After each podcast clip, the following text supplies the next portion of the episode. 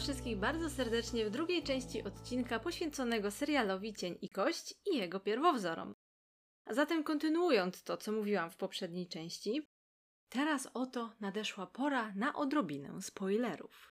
Jak już wspominałam w poprzedniej części tego odcinka, najpierw obejrzałam pierwszy i jak na razie jedyny sezon serialu, a dopiero później czytałam pierwowzór i ciekawa jestem, jakie byłyby moje wrażenia, gdybym najpierw czytała, a potem oglądała, ale podejrzewam, że nie doczytałabym pierwszej części do końca. W serialu bardzo podoba mi się ciekawa zabawa czasem w pierwszym odcinku, kiedy dopiero na koniec okazuje się, że wydarzenia, które miało się wrażenie, że są równoległe, mają miejsce jedne po drugich. Podobają mi się też zabiegi narracyjne w tym sezonie, bo po pierwsze, Akcja od razu nabiera tempa, nie ma takiego łopatologicznego tłumaczenia, więc jest trochę bardziej wymagający skupienia i dzięki temu nie jest nudny. Nie ciągnie się jak przysłowiowe flaki z olejem i wydaje mi się, że w kolejnych odcinkach w miarę trzyma poziom napięcia.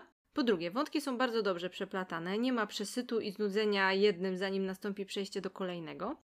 I po trzecie są zastosowane ciekawe rozwiązania spinające zupełnie niezwiązane ze sobą wątki, a najbardziej wyraźne jest pod koniec drugiego odcinka, w scenie, w której Mikhail mówi, że gdy najbliższy przyjaciel ma kłopoty, to robimy głupie rzeczy.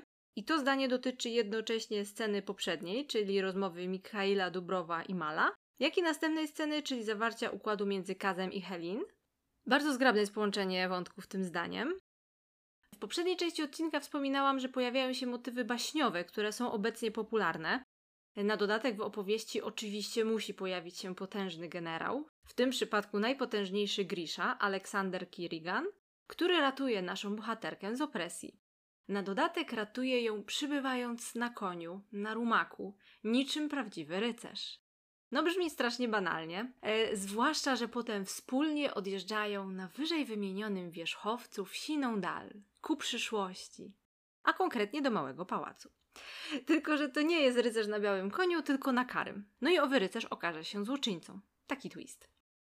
No więc co w tym wciągającego? Sama się temu dziwiłam, dlatego takie miałam wrażenie, że to jest takie guilty pleasure, ale prowadzenie akcji spowodowało, że byłam ciekawa, co się dalej okaże. Poza tym wątek Wron podbił atrakcyjność tej historii, no i w razie gdyby okazało się, że autorka powieści wpadła na kiepski pomysł, a ktoś jeszcze się tym zainteresował na tyle, żeby myśleć o adaptacji, to mogłabym tu sobie pomarudzić, że już jest coraz gorzej i że kiedyś to było. Przez dwie części powieści nie poznajemy imienia generała Kirigana, co w serialu jest powiedziane w momencie, jak mówi Alinie, żeby mówiła do niego po imieniu. Natomiast w książkach przez całe dwie części nie pada ta informacja, a na końcu drugiej części książki znajduje się wywiad z autorką. I ostatnie pytanie, jakie tam pada, dotyczy tego, czego można się spodziewać w trzeciej części.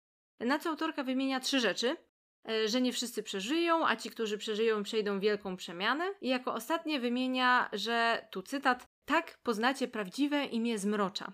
I wbrew internetowym plotkom nie brzmi ono Hubert. Koniec cytatu. Nie wiem czemu Hubert, ale okej. Okay. W każdym razie serial czerpie mocno ze wszystkich części, wzbogacając pierwszy sezon nie tylko o imię Kirigana, ale wychodzi poza treść zamkniętą w ramach tej pierwszej części. To jest co prawda część spoilerowa, ale nie chcę za dużo zdradzać z kolejnych y, części książki, bo chciałam y, skupić się na pierwszej, która została zekranizowana, ale ciekawie jest tu przedstawiona w całej tej serii y, religia, fanatyzm religijny i relikwie w kontekście komercyjnym, bo jak kupcy sprzedawali kości, to były one w całym kraju w takich ilościach, że gdyby ktoś chciał je policzyć, to okazałoby się, że jeden święty miałby ogromną ilość rąk i stóp. Poza tym pojawiają się żołnierze słońca, ale to w kolejnych częściach, więc przy okazji kolejnego sezonu trochę bardziej to przeanalizuję. Motywy religijne pojawiają się wyraźniej w zasadzie od drugiej części tej trylogii, a w szóstce Wron i Królestwie Kanciarzy są od początku, bo Inesz jest wierząca, a Kas nie i jest sporo ich rozmów na temat wiary. Zresztą w serialu też się pojawiają, dlatego o tym wspominam. Co ciekawe, w Ketterdamie, czyli w mieście, w którym dzieje się akcja Królestwa Kanciarzy, pojawia się inna religia, tu mamy kościół handlu, zbudowany na planie dłoni. Przy ołtarzu odbywają się aukcje. No i jeszcze przytoczę może jedno zdanie z dyskusji Inesz i Kaza o bogach. Inesz stwierdziła, że, zacytuję, ludzie kpią z bogów, dopóki ich nie potrzebują. To jest na stronie 55, gdyby ktoś chciał znaleźć. Czyli to jest taki trochę odpowiednik naszego powiedzenia, jak trwoga to do Boga. Kolejna sprawa to, że w serialu jakoś lepiej wymyślili to, co się stało z tym amplifikatorem jelenia, że jakby zrósł się z kośćmi Aliny, A nie tak jak w książce, że chodziła ciągle z tą, jak to nazywała, obrożą, która była niezdejmowalna, więc ja tu widzę też taki problem techniczny, na przykład jak w tym spać i jak się wykąpać. Za to w książce lepiej jest przedstawione połączenie między Aliną a Jeleniem, bo w serialu jest to przedstawione, że to Jeleń ją wybrał i dlatego to ona otrzymała jego moc, a w książce stało się tak dlatego, że darowała mu życie. I serialowy motyw z blizną na dłoni Aliny nie jest z książki, ale ta koncepcja bardzo dobrze nadrabia opisy książkowe. Pojawia się jeszcze wątek Peki Rollinsa i klubu Wron i nie jest w serialu wyjaśnione, co wydarzyło się między Peką i Kazem, ani nie jest chyba dokładnie powiedziane, co to jest klub Wron i dlaczego jest on tak ważny. Um, no jest to część ze spoilerami, ale mimo wszystko nie chcę zdradzać za dużo, bo to będzie zapewne w drugim sezonie.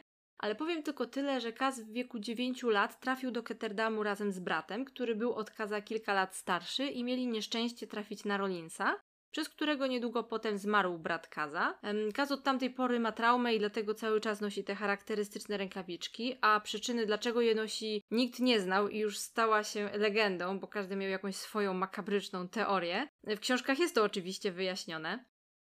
Po śmierci brata Kazowi udało się jakoś przeżyć i pozbierać, no i z myślą zemsty na Rolinsie wstąpił do gangu Szumowin, które dzięki jego działaniom zaczęły być szanowane i groźne. Mm, ich teren wpływów był coraz szerszy, Kaz był znany jako bezwzględny człowiek, y, nazywali go brudnorękim. A klub Wron jest właśnie jednym z nabytków Kaza i w serialu zapewne właśnie tam poznajemy Jaspera i Kaza, w scenie, w której Jasper sprawdza, czy moneta jest prawdziwa. I jeszcze jedna ciekawostka, jeśli ktoś nie czytał, to o kradzieży obrazu Decapela była mowa w książce we wspomnieniach Kaza i Inesz. Y, no i tak jak było w książce, tak jest i w serialu, że Rollins nie pamięta Kaza, stąd zapewne pojawiło się pytanie Kaza w pierwszym odcinku, czy już kiedyś zawarli jakąś umowę, y, a Rollins wtedy stwierdził, że nie. Z kolei Inesz wspomina później, że Kaz chce się zemścić na Rollinsie, więc są nawiązania właśnie do tych najważniejszych wątków y, z książek. Chciałabym powiedzieć jeszcze kilka słów o połączeniu wątków z obu tych serii. Y, serial dopowiada to, co robili Kaz, Ines, Jasper, Nina i Matias przed szóstką Wron i tylko część wydarzeń z serialu jest w tej książce jako ich wspomnienia. Trochę faktów książki Cień i Kość pozmieniano na potrzeby serialu, wiadomo, ale główna nić fabuły jest ta sama, za to bardziej łączy te dwa wątki. W Cieniu i Kości są momenty, które można uznać za luki, w które można coś wstawić i tak też wymyślono w serialu, bo na przykład w książce nie było wyjaśnione, czyj dokładnie był wóz artystów, którym Alina uciekła. Po prostu schowała się, nikogo nie widziała, a potem uciekła, nadal nie wiedząc, kim jechała. Ale w serialu właśnie w tą lukę wpasowano wątek Kaza i spółki, bo w serialu ona faktycznie nie widziała, do czyjego wozu wsiada, ale jak próbowała się wymknąć, no to oni czekali na nią i to był moment ich spotkania. Ona im potem uciekła i znów fabuła wróciła na tory z książki. No i w zasadzie jedyne, co zostało dodane, to tylko ta chwila ich rozmowy, ale te wątki już zostały połączone i na koniec ostatniego odcinka znowu się spotykają i Alina daje Inesz nóż. Inesz mówi, że wie jak go nazwie, ale w serialu nie mówi jakie imię wymyśliła. A czytając szóstkę Wron wiemy, że ma kilka noży nazwanych imionami różnych świętych, z czego jeden z nich to Sankta Alina, więc można pomyśleć, że albo tak po prostu sobie nazwała, bo pozostałych świętych też nie spotkała, Albo można połączyć to, co zostało zasugerowane w serialu i dopowiedzieć, że to jest ten sam nóż. Ciekawie łączą się i książki, i serial, właśnie wzajemnie sobie coś dopowiadając. E, są też nawiązania do tego, co będzie później, jak Jasper mówi Kazowi, że przydałby im się ktoś od wybuchów. To właśnie jest nawiązanie do szóstej wrony, która nie pojawia się w tym sezonie i podejrzewam, że nieprędko się pojawi, bo ta postać staje się członkiem gangu sporo później, ale może ta postać będzie wcześniej wprowadzona, pokazując to, co działo się wcześniej właśnie. Także zobaczymy.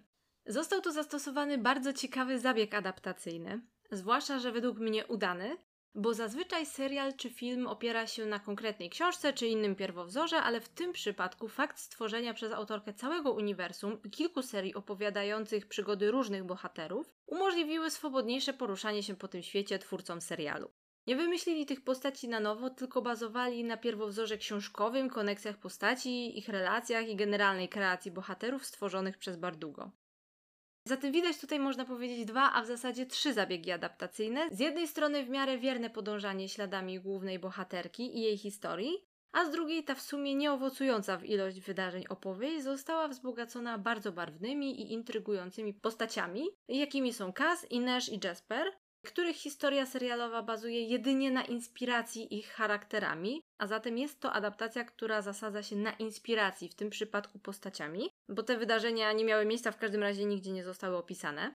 Wątek Niny i Matiasa jest w miarę wiernie pokazany i opiera się na ich wspomnieniach z Szóstki Wron, więc tu jest jeszcze inny rodzaj przeniesienia tych postaci na ekran, bo te wydarzenia miały miejsce, ale jakby w czasie przeszłym, bo to są właśnie wspomnienia. Jednocześnie podejrzewał, że po skończeniu wątku przywoływaczki słońca, jeśli okaże się sukcesem, twórcy będą mogli kontynuować tą opowieść, w której głównymi bohaterami nie będzie już przywoływaczka słońca, tylko właśnie Cassie Spółka, czyli pozostałe wrony, i może ich historia będzie przybliżona i oprócz przeniesienia historii z książek Bardugo, te postaci mają potencjał do zaczęcia życia własnym życiem na ekranie. A co za tym idzie, Story World stworzony przez Bardugo jest się jeszcze bardziej rozszerzy. Oczywiście twórcy serialu mogli rozdzielić te wątki, ale według mnie to było bardzo dobre posunięcie, bo historia Aliny dobrze pokazuje relacje polityczne i światrawki, a z drugiej strony Wrony są dużo ciekawszymi postaciami, więc bardzo dobrze się to uzupełnia. Poza tym, te dodatkowe wątki wprowadzają sporą dozę humoru i lekkości do tego serialu, bo szczerze mówiąc, zaczynając czytać książkę, chyba najbardziej byłam ciekawa, jak oni byli opisani, i oczywiście wtedy jeszcze nie wiedziałam, że oni są w zupełnie innej serii. I jakoś przed pierwszej części trylogii w końcu przekartkowałam ją do końca, żeby zobaczyć, kiedy się w końcu pojawią, chociaż już się domyślałam, że to nie nastąpi. I w kolejnych częściach też ich w ogóle nie ma. Dlatego tym bardziej podoba mi się to, jak sprawnie ten wątek został wpleciony w tą historię, jednocześnie nadając jej dynamizmu, właśnie przez to, że pojawiło się więcej nazwisk i wydarzeń, które wpłynęły na początkowe zasypanie widza danymi.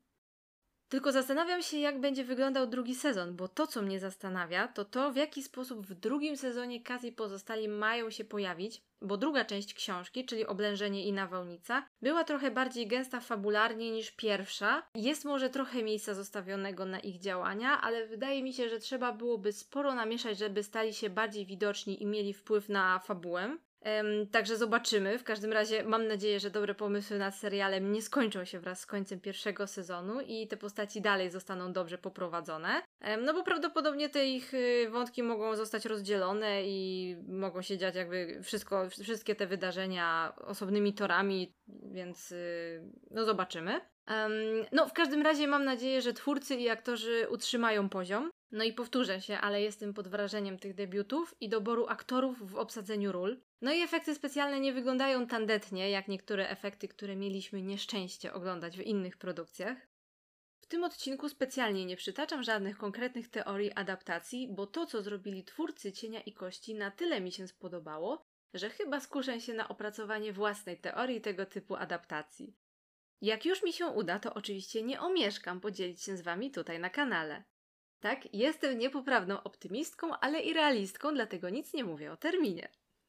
No naprawdę, Netflix wpuścił mnie w maliny, bo nie dość, że serial, siedem książek, z czego jeszcze nie mam przeczytanych dwóch. Podobno ma być jeszcze jedna, no i jeszcze napisanie teorii. Oj, gdyby tak udało się wydłużyć dobę. No tak chociaż o kolejne 24 godziny. mam zdecydowanie za dużo pomysłów. Nie, nie za dużo pomysłów, za mało czasu. O, tak, w tę stronę. I taki zmieniacz czasu, jaki miała Hermiona w Harrym Potterze, byłby no wprost idealny. Tak, no w tym odcinku to już wszystko. Do tego tematu wrócę jeszcze po premierze drugiego sezonu i porównam pierwszą i drugą część. Także bardzo dziękuję za uwagę i serdecznie zapraszam na kolejny odcinek, na który zapraszam nie tylko w moim imieniu, bo do kolejnego odcinka zaprosiłam gościa i porozmawiamy o Harrym Potterze.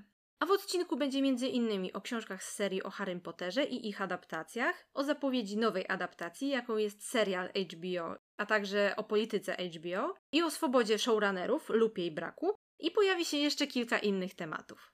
Także serdecznie zapraszamy. Do usłyszenia!